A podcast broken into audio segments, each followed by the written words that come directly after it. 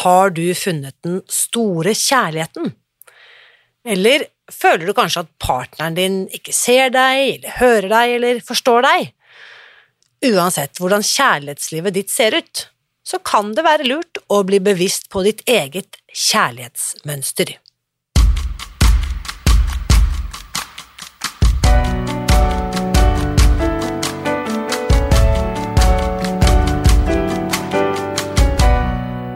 Mitt navn er Irina Li. Jeg er journalist og forlegger, gründer og sosial entreprenør. I 2015 spiste jeg meg fri fra overvekt og fedme etter å ha slitt med vekt, kropp og følelser i nesten 30 år. Etter at jeg knakk koden, ga jeg meg selv et nytt oppdrag – å dele denne kunnskapen med alle som trenger det. I denne podkasten kan du derfor høre hele lydboken Spis deg fri, den finner du ved å bla deg tilbake i arkivet og lytte til første sesong. Hver uke inviterer jeg nå gjester som gir deg påfyll til hodet, hjertet og magen. For min visjon er å endre Helse-Norge, og det får jeg ikke til alene. Du bidrar ved å abonnere på podkasten, skrive en omtale i iTunes og tipse meg om hvem jeg burde invitere hit. Da setter vi i gang med ukens episode. Innimellom får jeg gleden av å intervjue mennesker jeg kjenner godt, og denne uken får jeg altså delt denne gleden med deg når du skal få høre min samtale med forfatter Anniken Lien Mathisen. Anniken er kort fortalt en av de klokeste og kuleste og mest fascinerende menneskene jeg kjenner, og ikke nok med det, hun er også kjærlighetscoach og hennes løfte til deg er at hun kan hjelpe deg til å skape det kjærlighetsforholdet du vil ha. Og øh, Innledningsvis så sa jeg at hun også var forfatter, for du trenger nemlig ikke å hyre Anniken som coach for å lære disse teknikkene. I fjor ga hun ut boken Kjærlighetsmønster på Aschehoug forlag, og den handler om at alle kan finne ekte kjærlighet. Her er ukens gjest. Kjære Anniken, velkommen til podkasten. Tusen takk, Irine. Jeg er så glad for å være her. Vet du hva, Dette har jeg altså gledet meg til siden vi avtalte dette lenge før jul, og nå er dagen kommet. Vi er kommet til midt i januar. Jeg syns fortsatt det er en litt sånn mørk og tung vinter, men det vi skal snakke om i dag, det er jo nødt til å gjøre oss både sprudlende og glad. Ja. Jeg må bare, ikke sant, Nå ser jo vi hverandre på en bitte, bitte liten Zoom-skjerm, men vi har jo kjent hverandre i mange år. Kan ikke, vi kan snakke litt om det først, Anniken? Ja, det er hyggelig. Eh, det går tilbake til 2013, da jeg skrev en bok sammen med en felles venn av oss som heter Tommy Fjellheim, en veldig klok mann, eh, og den handlet om mental trening. Og da sa Tommy til meg at jeg vil at du skal snakke med noen av de klientene jeg har jobbet med, og Anniken er en av dem. Det var sånn vi første gang traff hverandre, i 2013, eh, hvor jeg intervjuet deg til boken 'Tenk som en kriger', som jeg skrev da sammen med Tommy. Mm. Du kan jo fortelle litt, eh, for å begynne der, med mentaltrening. Hva var, det du, hva, hva var det du trengte å trene på mentalt? Hva handlet det om? Du kan si at da jeg eh, startet min reise i forhold til kjærlighet, så startet jo den med at jeg var veldig suksessfull på jobb, og så begynte jeg å tenke hva er det som skjer, hvorfor er jeg ikke like suksessfull i kjærlighetslivet? Og da begynte jeg å stille meg selv en del spørsmål, og så begynte jeg å lese en del eh, bøker om mental trening og selvutvikling, hvor jeg skjønte at det er et stort gap fra der jeg var, til dit jeg ville, og at det måtte jeg ta tak i selv. Mm. Og det går mye på mental trening. Og Tommy han hadde jo mye bra teknikker og er en veldig rå og bra mental trener, så jeg brukte han en periode mm. og syntes det var veldig spennende. Da, så du kan si nå når jeg jobber som coach i dag selv, så er det jo akkurat sånne type verktøy som mentale trenere som han har bidratt med i mitt mm. liv, som jeg er med da på å gi videre også til andre. Men tenk så spennende, ikke sant. Den boken eh, du skrev eh, som kom ut på Aschehoug i fjor, i 2021, som heter Kjærlighetsmønster. En helt utrolig vakker, eh, rosa, sprudlende bok med undertittelen 'Alle kan finne ekte kjærlighet'. Det er det vi skal snakke om i dag. Ja. Men jeg må bare igjen trekke tråden litt tilbake, fordi at tenke seg til Tommy, da, som hadde militær bakgrunn fra Forsvarets spesialkommando, det var på en måte hans inngangsport til dette med mental trening og det vi skal snakke om. Mm. Og så har du på en måte Du var jo, som du sier, eh, eh veldig suksessrik i, i, din gamle karriere, for å si det mm. sånn. Um, og så likevel så kommer jo også Din vei fører deg inn på, liksom, la oss kalle det coaching, og feltet hvor du er i stand til å hjelpe andre mennesker med i kjærlighetslivet deres. Og tenk at det kan være en rød tråd fra liksom Forsvaret til kjærlighet, og sånn som jeg også for så vidt jobber med disse tingene i dag, i forhold til helse og kosthold og livsglede, da. Det er ganske mm. fascinerende, syns jeg, hvordan alt henger sammen med alt. Ja, nei, Det er kjempespennende, men jeg tenker det går jo på det at man er veldig opptatt av muligheter istedenfor mm. begrensninger, og det brenner jeg så veldig for. Fordi at det er så mange muligheter vi har i oss, og det er de vi må være i kontakt med. Og så må vi frigjøre oss fra de gamle begrensningene som hindrer oss å oppleve det kjærlighetslivet og det livet vi ellers ønsker oss.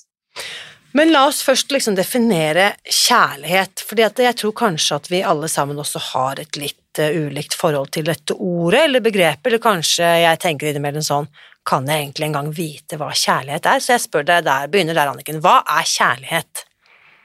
Kjærlighet for meg er omsorg, varme, raushet, bli sett, tilstedeværende, mm. godhet, varme.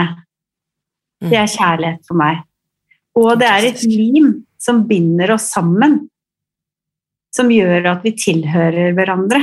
Det er ikke sånn bare at vi kan si noe, og så er forholdet ferdig. Det er et lim som binder oss sammen. Kjærlighet er limet.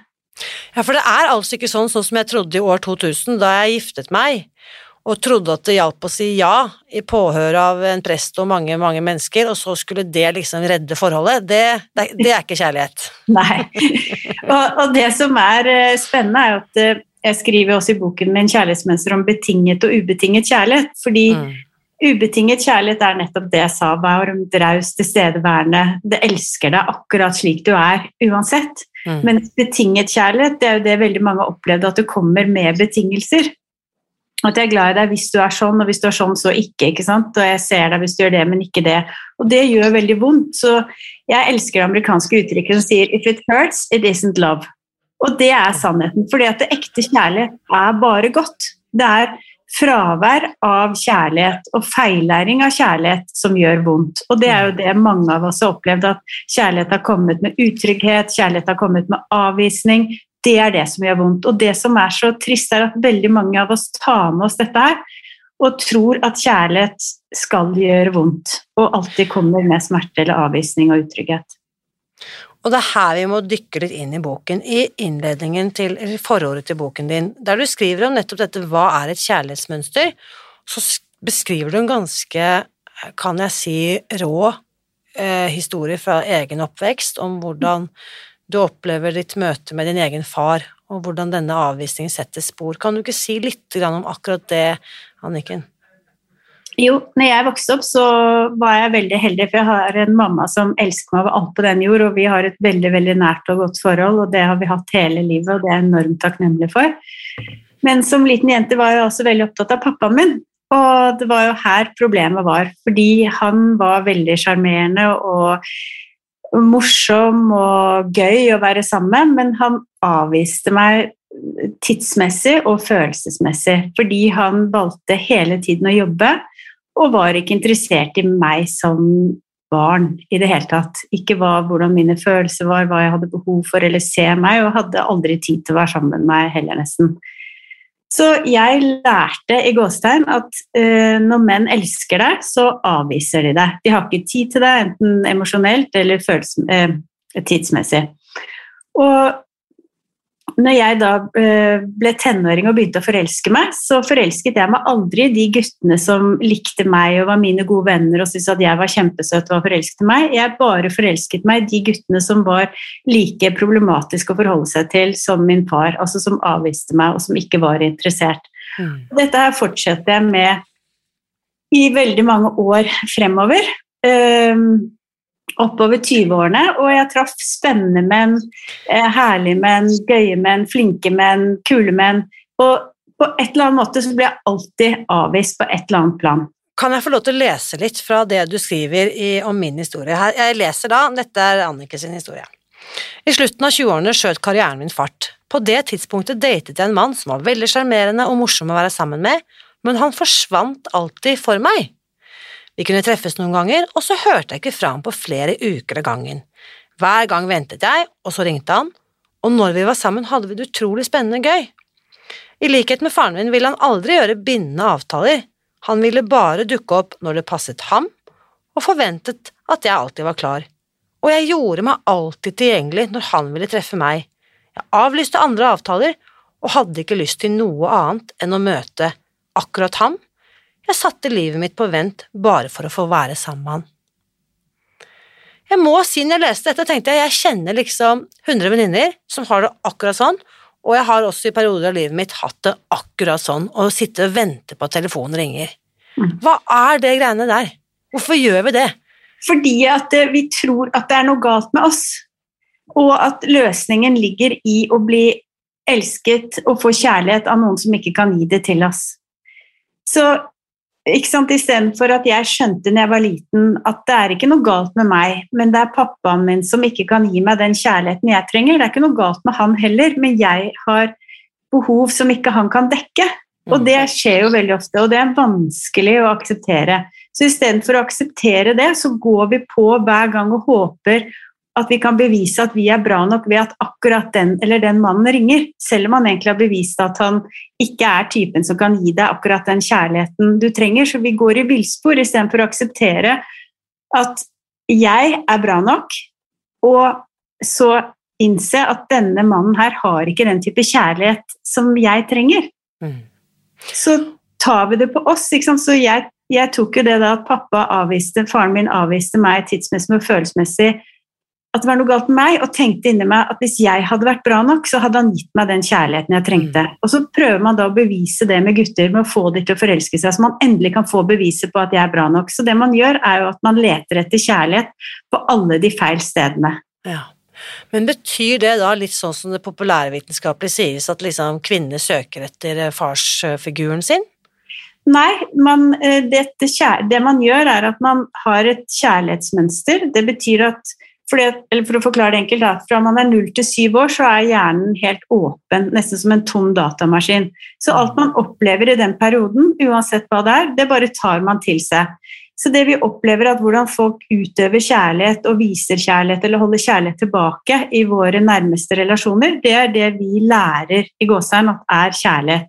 Så når vi blir voksne, og egentlig er helt fri til å velge akkurat den type kjærlighetsforhold vi har lyst til, så er vi ikke så fri fordi at vi er bundet til den gamle programmeringen. Og det gir jo helt mening, for det ble jo lært oss av de menneskene vi stolte aller mest på.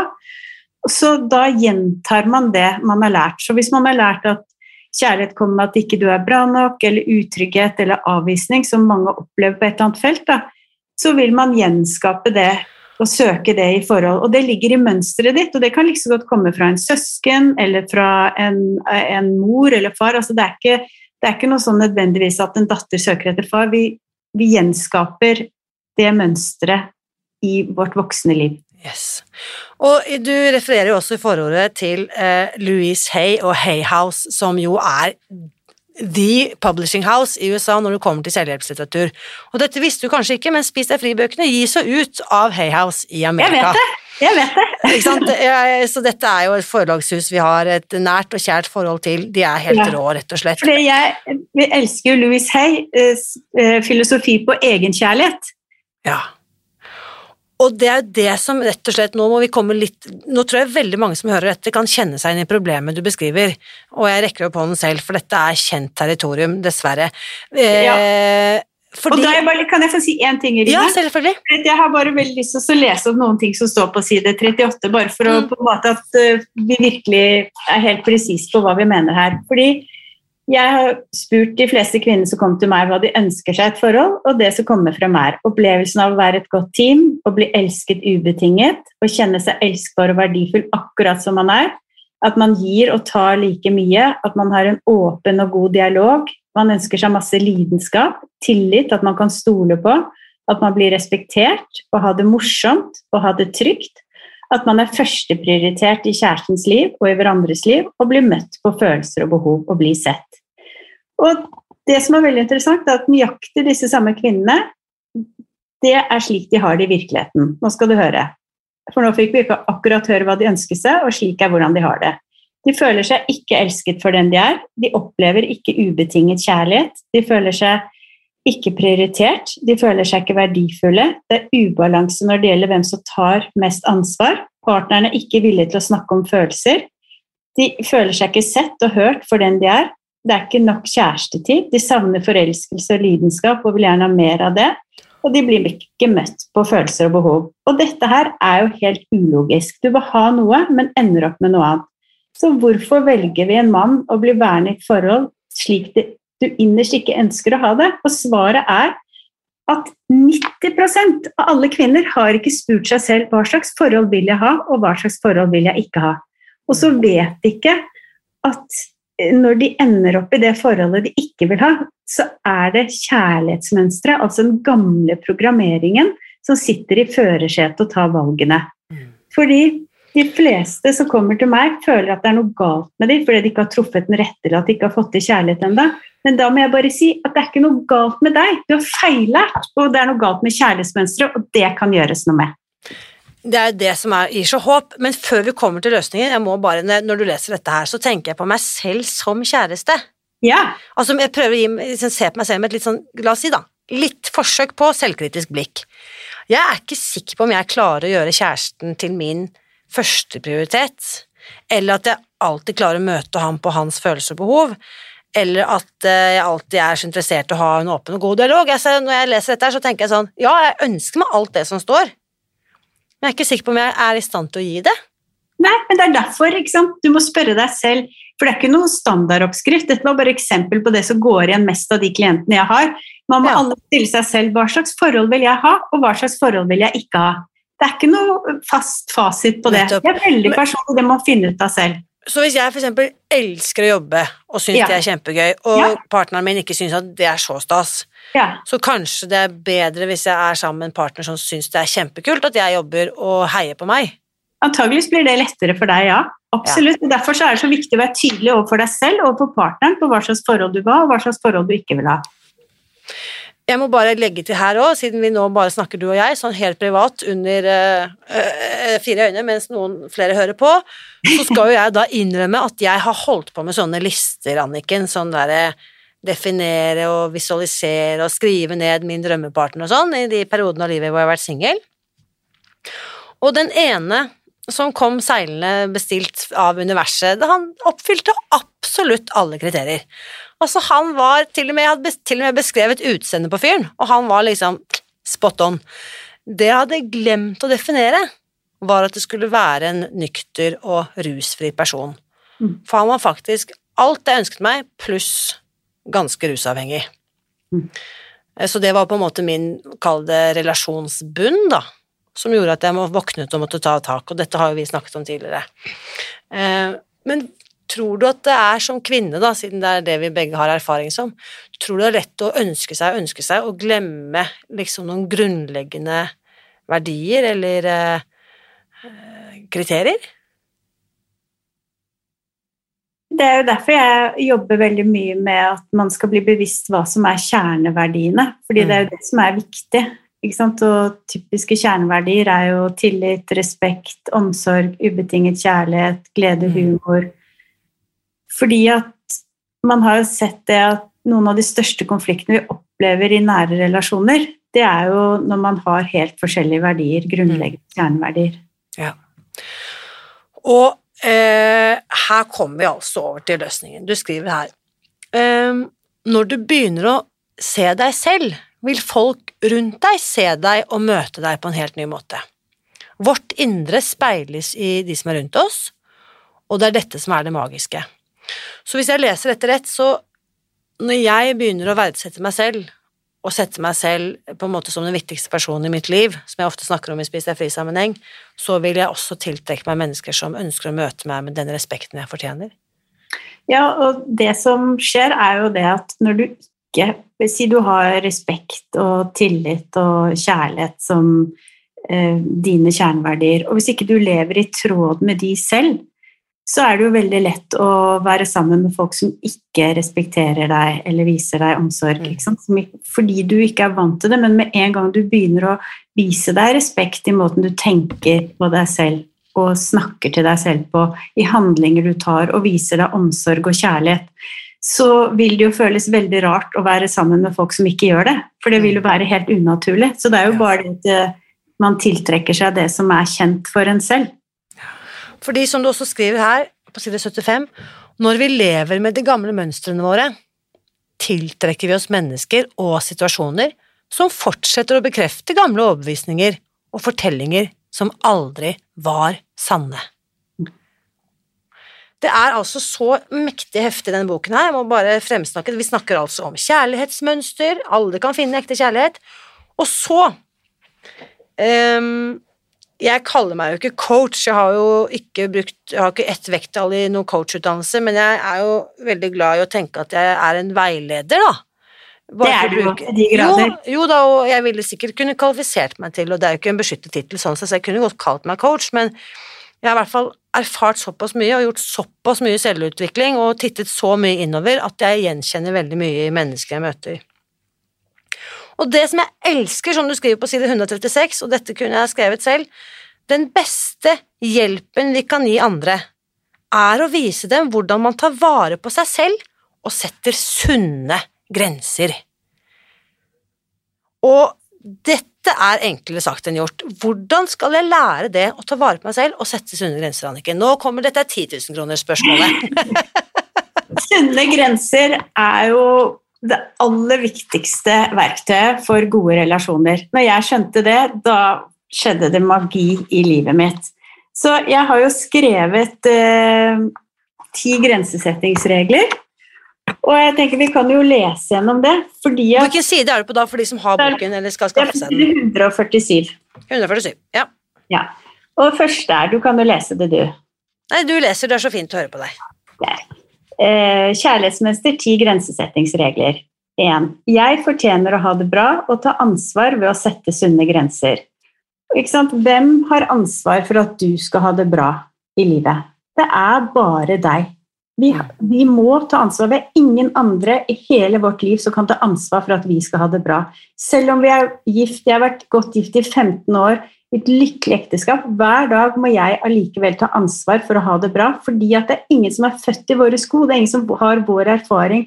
Vi må ta ansvar hver dag for å ha det bra selv. Hadde det vært litt digg å kunne delegere det til kjæresten ja, og si at det er ditt ansvar at jeg skal ha det bra?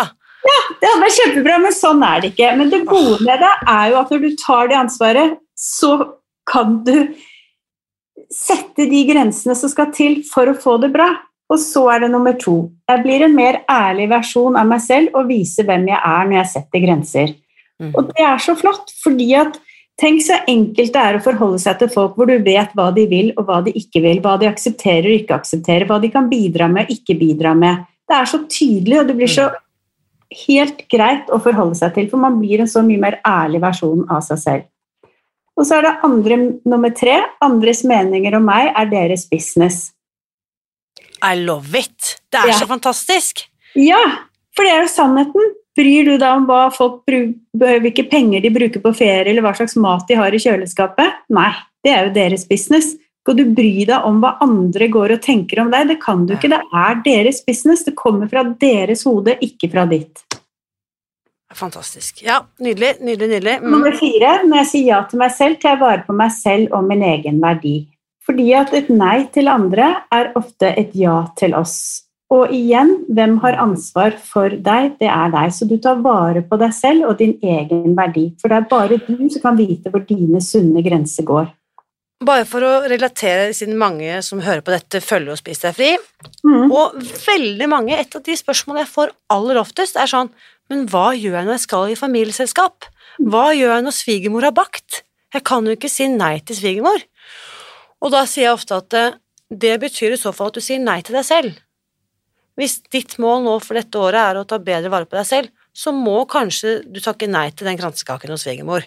Mm. Og hvis svigermor, hun er glad i deg, hun vil at mammaen til barnebarna skal ha det bra, da vil hun skjønne at du velger å takke nei til den kransekaken. Hvis ikke så må og du kan man ikke alltid stole på at, man, at en annen skjønner, fordi man har så forskjellig kart av virkeligheten, men da er sunne grenser det som hjelper deg. Ja. Man sier tusen takk, så hyggelig, men jeg må si nei takk til den kaken. Ja. Det er godt for min kropp. Og det er jo kanskje det vanskeligste når jeg må stå i grenser og oppleve at jeg ikke blir forstått. At jeg sier nei takk, og så blir jeg ilagt masse meninger og greier som ikke er mitt, men som da er deres. Det kommer vi til. For Det er kommer vi til, ja. Nettopp. For det er veldig spennende. Det er veldig viktig det du tar opp, og det skal vi komme til. Så er det jo neste fem. Jeg er et godt menneske og kan likevel si nei. Nei er en gyldig og fullstendig setning. Og det er jo her folk sliter, for man får veldig dårlig samvittighet eller føler seg ikke som et godt menneske hvis man sier nei takk til den kaken da eventuelt mor har bakt. Men du er det samme gode mennesket selv om du sier nei. Og det man skal vite at når man begynner å sette grenser i begynnelsen, så sier jeg til alle mine klienter du må bare ta på deg en ryggsekk, og oppi den ryggsekken er dårlig samvittighet i begynnelsen. Men det betyr ikke at selv om du får dårlig samvittighet, så skal du ikke sette grenser. Og det er litt sånn jeg tenker med slanking, da, eller hvis man skal prøve å spise annerledes, så selv om man har lyst på en sjokoladekake eller blir trigget til en dårlig diett, så betyr det jo ikke at man skal gjøre det eller spise det kakestykket selv om man får lyst på det eller føler trigger inni seg på det. Og det er samme at selv om man blir trigget med dårlig samvittighet, så betyr ikke det at man ikke skal sette sunne grenser. Så jeg tenker at veldig mange, i hvert fall jeg opplevde det hvis jeg skulle skifte diett, så har jeg jo lyst på veldig mye mat, men jeg sier nei allikevel. Mm. Og det er det samme selv om jeg får dårlig samvittighet og ikke føler og andre får meg til ikke føle meg et godt menneske fordi jeg setter sunne grenser, så gjør jeg det allikevel. For jeg vet at jeg er et godt menneske. Det er så viktig. Mm. Så er det nummer eh, syv, og det er jo Nei, nummer seks. Ja. Her kommer vi til det du var inne på i sted. Jeg vet hva som er mitt ansvar, og hva som ikke er mitt ansvar. Andres respons på min sannhet er ikke mitt ansvar, det er deres. Mm. Så når folk sier sin sannhet, så sier jeg alltid til mine klienter eh, det må vi bare respektere, for dette folk har forskjellige sannheter. Det får vi ikke gjort noe med, og det må vi ha respekt for. Vi må ha respekt for annet syn og andre tanker og følelser og sannheter enn våre egne. Men vi kan allikevel si jeg respekterer og hører det du sier, men jeg er ikke enig. Jeg ser det annerledes. Ja. Jeg har en annen sannhet. Så hvis noen er veldig trigget av mine valg, Mm. eksempel rundt eh, mat, jeg holdt på å si rundt mat eller menn, det ble kanskje feil, men rundt mat, så kan jeg si eh, det er din sannhet, og den respekterer jeg. Det er veldig effektivt, det er din sannhet, det likte jeg veldig godt. Ja, for det er jo det det er, og den respekterer jeg. For jeg respekterer alle mennesker at de har forskjellige sannheter. Mm. Men jeg står allikevel trygt og støtt i min sannhet, og så er det en grense da mellom din sannhet og min sannhet. Ja, Men det er, sant, jeg har jo vært i nok eh, hva skal vi si, konfliktfylte samtaler til å vite at hvis den andre ikke reagerer, ikke liksom blir forbanna når jeg prøver å fyre opp en diskusjon, så blir jeg jo enda mer provosert. altså det er jo, og da tenker jeg hvis jeg kan ta den kraften og si sånn det er din sannhet, jeg, og den respekterer jeg, så bare legger jeg ballen død. Ja, altså, da det, er- det som er så fint, at man legger også ansvaret tilbake til den andre. Fordi at det er ditt utsagn, det er du som sier det, det må du nesten ta ansvar for selv. Mm. Det kommer fra din sannhet. Og da, Ja. ja. Så den er kjempefin. Og så er det nummer syv. Den viktigste grensen er å vite hvor jeg slutter og andre begynner. Og den elsker jeg. Fordi at her slutter jeg, her begynner du. Dette vil jeg, dette vil jeg ikke. Dette kan jeg bidra med, dette kan jeg ikke bidra med. Dette har jeg ansvar for, dette har jeg ikke ansvar for. Fordi vi er ofte så grenseløse. Det er akkurat som vi har en navlestreng til hverandre. Sånn at når du sier noen ting, så går jeg bare inn i det istedenfor å si her slutter jeg, her begynner du. Jeg tar ansvar for meg, du tar ansvar for deg.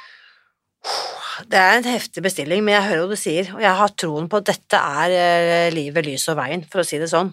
Eh, nydelig. Vi går videre. Åtte. Jeg setter en klar grense mellom hvem jeg er, og hvem andre har fortalt meg at jeg er. Andres definisjon av meg er deres definisjon, det er ikke hvem jeg er. Og denne her er det så mange som sliter med, fordi at andre har sagt noe om deg, eller definert deg som for mye, for lite, for ung, for gammel, for tykk, for tynn. Liksom. Men det er deres definisjon. Det er jo ikke hvem du er. Altså, vi, må, vi må ha Mm. sunne grenser mellom hva, hvem andre definerer at vi er. En definisjon er en definisjon, punktum. Jeg er meg, det er din definisjon av meg. Det er to forskjellige ting. Ja. Men la oss nå si, sånn som, ikke sant, eh, jeg vokste opp i en søskenflokk med tre, jeg er yngst, det er masse sånn, kunne du ikke vært litt mer sånn som hun eldstesøsteren din som gjør sånn, kunne du ikke vært litt mer sånn som hun mellomsøsteren, altså vi blir hele tiden sammenlignet, målt, veid, eh, på en måte holdt opp mot andre og deres standarder. Det er vanskelig å finne seg selv. Det har vært vanskelig for meg å finne meg selv og min identitet, når jeg har så mange sterke personligheter rundt meg. Det er kjempevanskelig, men det er jo derfor jeg har jo jobbet og fått hjelp i årevis for å komme dit hvor jeg er i dag. Så den Mm. kunnskapen jeg samlet i denne boken, den kommer jo ikke lett. Jeg har jo slitt og jobbet hardt for å komme dit jeg er i dag, og det er jo det jeg på en måte har samlet inn i fem steg for å hjelpe folk på en Nettopp. god måte og en effektiv måte. Så jeg sier alltid til folk at jeg kan ikke begynne å sette grenser for deg, jeg kan ikke forandre ditt kjærlighetsmønster, men jeg er en veldig god veileder og har kjempegode verktøy. Fantastisk. De to siste reglene må vi ha med. Vi må ha med nummer ni først. Jeg setter en grense overfor for mitt indre negative selvsnakk. Altfor mange av oss går rundt og snakker oss selv ned. Og veldig mye av dette er gamle stemmer fra fortiden som ikke er våre egne engang. Folk har sagt noe til oss, og det begrenser oss, og så går vi og sier det til oss selv fortsatt. Eller man tolker 'jeg fikk ikke et hyggelig svar på den tekstmeldingen', og så begynner man å snakke seg selv ned. Så det å, En ting er å sette ytre grenser, men mye av det jeg jobber mest med, er jo disse indre grensene. Ikke sant? Sette grenser til det gamle mønsteret, og sette grenser til negativt indre selvsnakk. Mm. Og så er det nummer ti, og den er veldig fin, for den er 'Jeg er verdifull, og jeg er glad i meg selv, derfor setter jeg grenser'. Og det er klart at arbeidet med å bli glad i seg selv, egenkjærlighet, det gjør at det blir mye lettere å sette grenser. Og det er jo da man klarer å sette grenser. Fordi man vet at jeg er verdifull, og jeg er bra nok. Jeg har lov å sette sunne grenser. Dette er så verdifullt å høre, og så blir jeg sånn både som eh, for mitt, i mitt eget liv og de, de behovene jeg har for å lytte til det du sier, men også som mor. At jeg kan nå få denne kunnskapen og så ha dette med meg i møte med mine egne barn. Mm, det er kjempeviktig. Det tror jeg er så fantastisk. Ja, og jeg har jo klienter fra 18 til 70 år. Og Ja, jeg skulle til å si det, hvem er liksom gjennomsnittskunden hos deg, men nå det er fortell. 70 år, fordi at det gjelder, dette her gjelder alle, og det som jeg synes er spennende, er at 95% sier til meg dette her skulle jeg jo lært for lenge siden. Ja. Dette det gjør livet så mye enklere. Og når du sier det med barna Jeg har jo to barn selv, og den yngste som er ni år, hun er veldig flink til å si fra. Og da sier jeg til henne du så utrolig flott og så sterk og fin og tydelig stemme du har. Det må du fortsette med, for da er det ikke noe tvil om hva du mener og hvor Mm. dine grenser går. Og jeg ser For henne er det helt naturlig. Så det er klart det at hvorfor det er vanskelig for oss å sette sunne grenser og være i kontakt med våre kjerneverdier, det er jo, og egenkjærlighet er jo fordi det er ingen som har lært oss det. Hvordan skal vi Mm. klare å gjøre noen ting vi ikke har lært? Og det er det som er så fint, er at all feillæring kan avlæres, og så kan vi lære dette på nytt. Og dette brenner jeg sånn for. Og det er faktisk enklere å gjøre det sånn enn å fortsette med det samme gamle. Og det er vel litt sånn som du også med Spis deg fri, at den metoden er enklere å leve etter enn den gamle måten å spise på og ha forhold til mat. Gjett om. Mm. Altså jeg tenker ofte at liksom livet går i spiraler, og så kan vi være en negativ spiral hvor ting egentlig bare blir verre og verre og mer og mer destruktivt. Hvor jeg da, i forhold til relasjoner, treffer min relasjonsbunn. Um, og er utrolig takknemlig for den relasjonen, slik at jeg fikk mulighet til å våkne opp og velge noe sunnere for meg selv. Og så tenker jeg også det omvendt, da, når spiralen går oppover. Først og fremst når jeg begynner å ta bedre vare på meg, så får jeg så mange fantastiske effekter i livet mitt. Og de menneskene jeg treffer når jeg begynner å gjøre det, inkludert deg, Anniken, blir jo bare beriker livet mitt enda mer, ikke sant? Mm. Så um, det jeg forbinder med kjærlighet Jeg sier av og til det at kjærlighet er jo dominert av ett ord, og det er ærlighet. Mm. Og det syns jeg er så fint, og når du ser ordet kjærlighet beskrevet, så er det jo dominert av ærlighet, og det Og den- eh, føler jeg Ja. Mm. Og den ærligheten er så viktig overfor seg selv. Mm. Og da kan, Veldig mange er såret over at de ikke får den kjærligheten de vil ha av den personen de har lyst på. F.eks. en date eller en kjæreste eller en man er forelsket i. Eller en foreldre eller en søsken eller en svigermor. Og på side 148 så har jeg skrevet eh, om forholdet til dine nærmeste. Og det har jeg bare lyst til å si litt om, for dette, det er så viktig å vite hvilken rolle menneskene rundt deg spiller i livet ditt, og hvilken rolle du spiller i deres. Og, og det det går på, er jo at jo mer bevisst hvilken rolle jeg kan lese det som står akkurat her, jo mer bevisst du er hvilken rolle de som er rundt deg, spiller i livet ditt, desto færre skuffelser får du. Da jeg aksepterte hvilken rolle faren min hadde i livet mitt, hvilken rolle jeg hadde i hans, følte jeg en stor frihet. Frihet fordi jeg endelig aksepterte at forventningene mine ikke ble innfridd, og ikke kom til å bli det. Mange er skuffet over foreldre, svigerforeldre eller søsken, eller kjærester, men det bunner ofte i våre egne forventninger til rollen deres som foreldre, svigerforeldre eller søsken eller kjærester. Hvis vi frigjør oss fra disse forventningene og heller ser personen og godtar den som de er, er vi fri fra mye skuffelser. Kanskje har forventningene våre stått i veien og hindret oss i å se at disse menneskene kan være der for oss på andre måter enn vi trodde, eller vi innser at de ikke kan gi oss det vi ønsker, og at det også er greit. Da har vi frihet til å begynne å sette grenser, sunne, nødvendige grenser. Fantastisk. Og det er en kjærlighetserklæring, tenker jeg også, til Ja. disse menneskene. Ja, for man Mm. aksepterer det, Mm. istedenfor å prøve å presse det og få noe annet som man aldri vil få. Jeg har to spørsmål. Eh, Er det sånn, føler du at det er sånn, nå har jeg skjønt det, nå har jeg lært det, nå trenger jeg ikke jobbe mer med det. Ble du ferdig da du traff eh, mannen din for 15 år siden, og så var det liksom check, to streker under svaret, da kan vi bare si ja, og så fortsetter vi herfra. Eh, med mange ting, ja, var kjekt og ferdig med. Jeg var ferdig med mitt gamle kjærlighetsmønster av å bli tent på avvisning og tiltrekke meg av det. Da var jeg åpen for å ta imot ekte, ubetinget kjærlighet. Mm. Men jeg elsker jo og jobber jo med selvutvikling hele tiden, så jeg Mm. tenker jo at hele livet vil jeg gjøre det. Og det er jo alltid noen nye ting å ta tak i. Og da er spørsmål nummer to. Nå i Spis deg fri, hvor jeg da hjelper eh, spesielt kvinner, men også etter hvert flere menn. Det er fantastisk gøy at gutta også kommer med nå. Ja, det er kjempebra. Det sier altså meg òg. Jeg har jo hovedsakelig kvinner, men nå kommer det flere og flere menn. Ja, det er genialt. Altså, gutta må Ja. med, alltid. Vi må passe på mennene våre. Eh, De går gjennom en transformasjon, la oss si ytre fysisk transformasjon. De, de mestrer ting og får til ting som de aldri i sin villeste fantasi ville tro var mulig. At de går ned 30 kilo, eller plutselig kan gå inn i en butikk og kjøpe akkurat hvilke klær de vil. De kan for første gang kaste krykkene, for de har ikke vondt i ledd og hva vet jeg. ikke sant? Og det gjør noe med identiteten deres, og det gjør også noe med hvem de tiltrekker seg. Og det opplever mange som en trussel for sin egen relasjon, og partneren kan oppleve det som en trussel, og mange kvinner kan bli forvirret over shit, hvem er jeg nå? Når kroppen forandrer seg så ekstremt, da, en ekstrem ytre forvandling. Kan du si noe om det, Anniken? Hvordan håndtere, håndtere en sånn forvandling? Som var ønsket, men likevel blir uventet?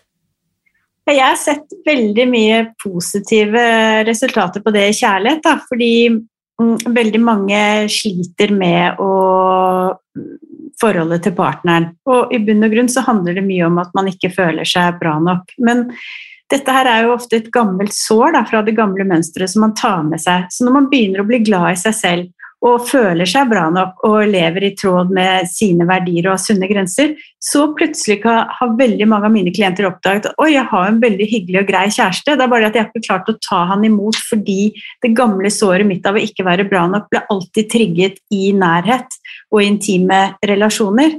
Så jeg ser jo at den forvandlingen har gjort at de har åpnet opp og fått det mye bedre. Jeg tenker at den dagen du blir ordentlig glad i deg selv, inni deg, og aksepterer deg og er glad i deg selv uansett, da er det mye lettere å ta imot kjærlighet fra de rundt deg.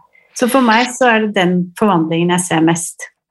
Hvis jeg har tiltrukket meg en mann før jeg oppdager disse, hva skal vi si, indre begrensningene hos meg selv, og han, nå skjønner jeg at dette er et menneske som bare bekrefter det grunnskriptet mitt med avvisning og alt dette usunne vi har snakket om, er det da håp for at den relasjonen skal kunne overleve?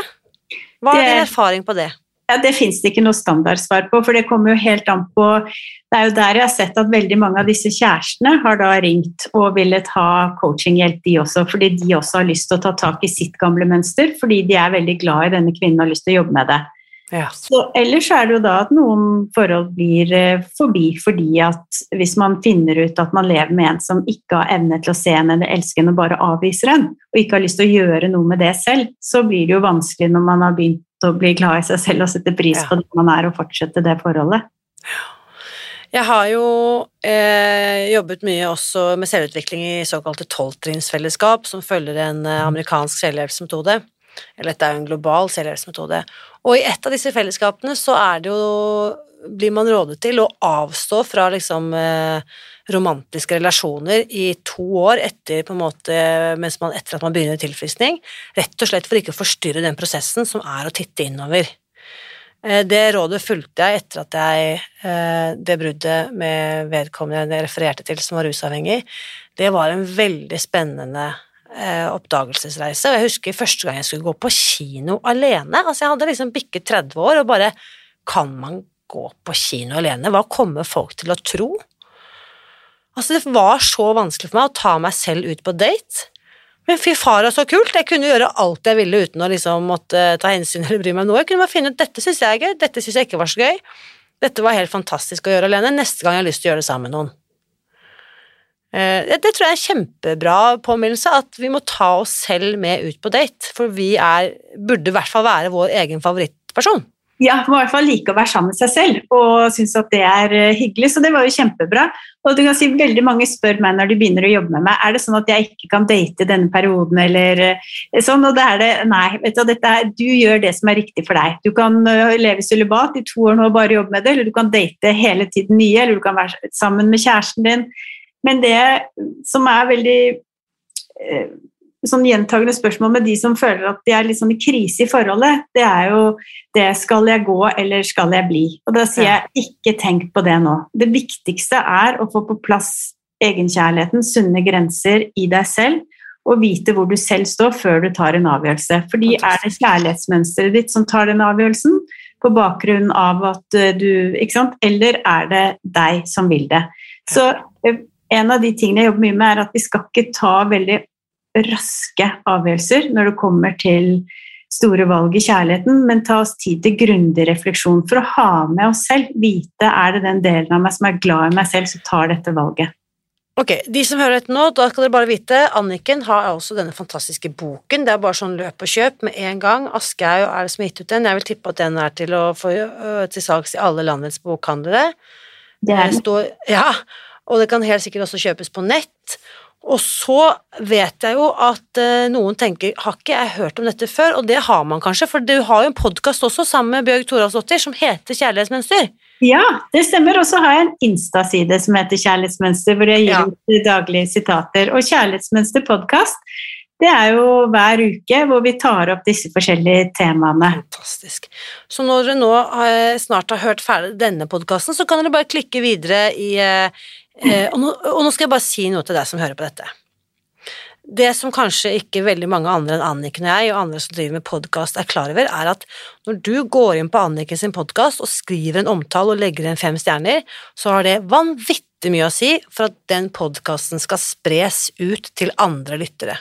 Og at man Så- abonnerer. At man blir Og at man ikke minst at man abonnerer hvis man lytter i iTunes. Det er iTunes som er driveren for at Apple styrer hele verden.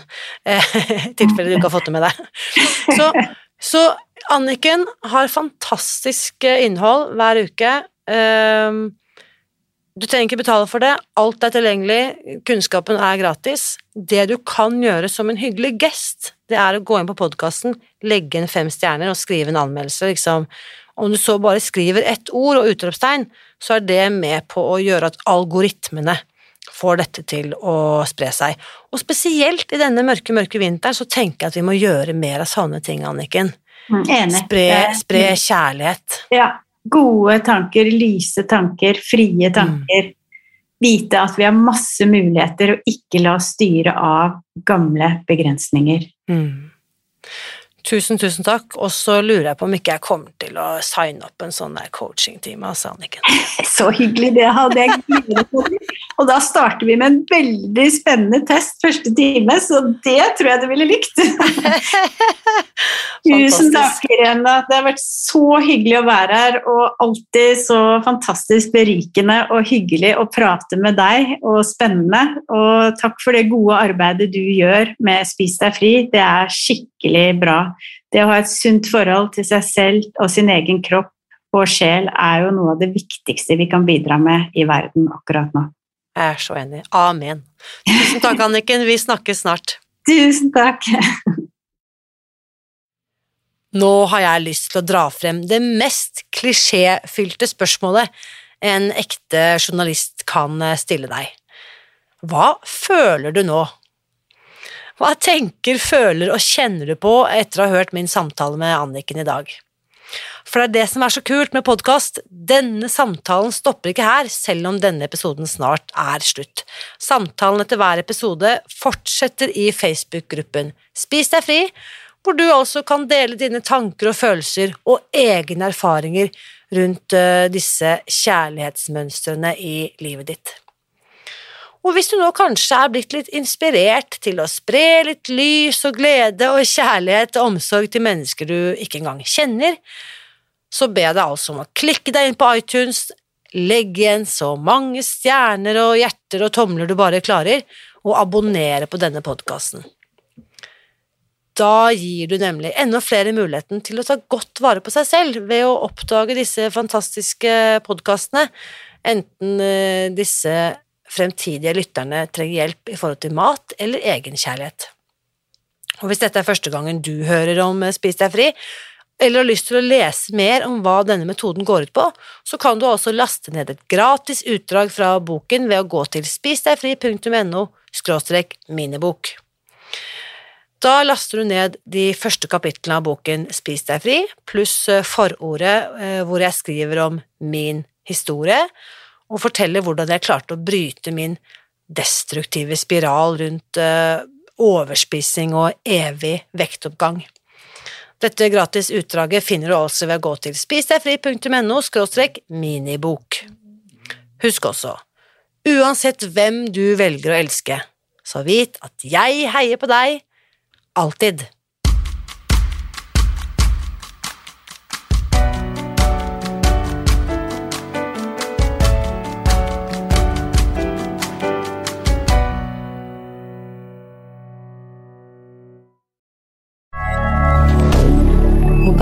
D'accord.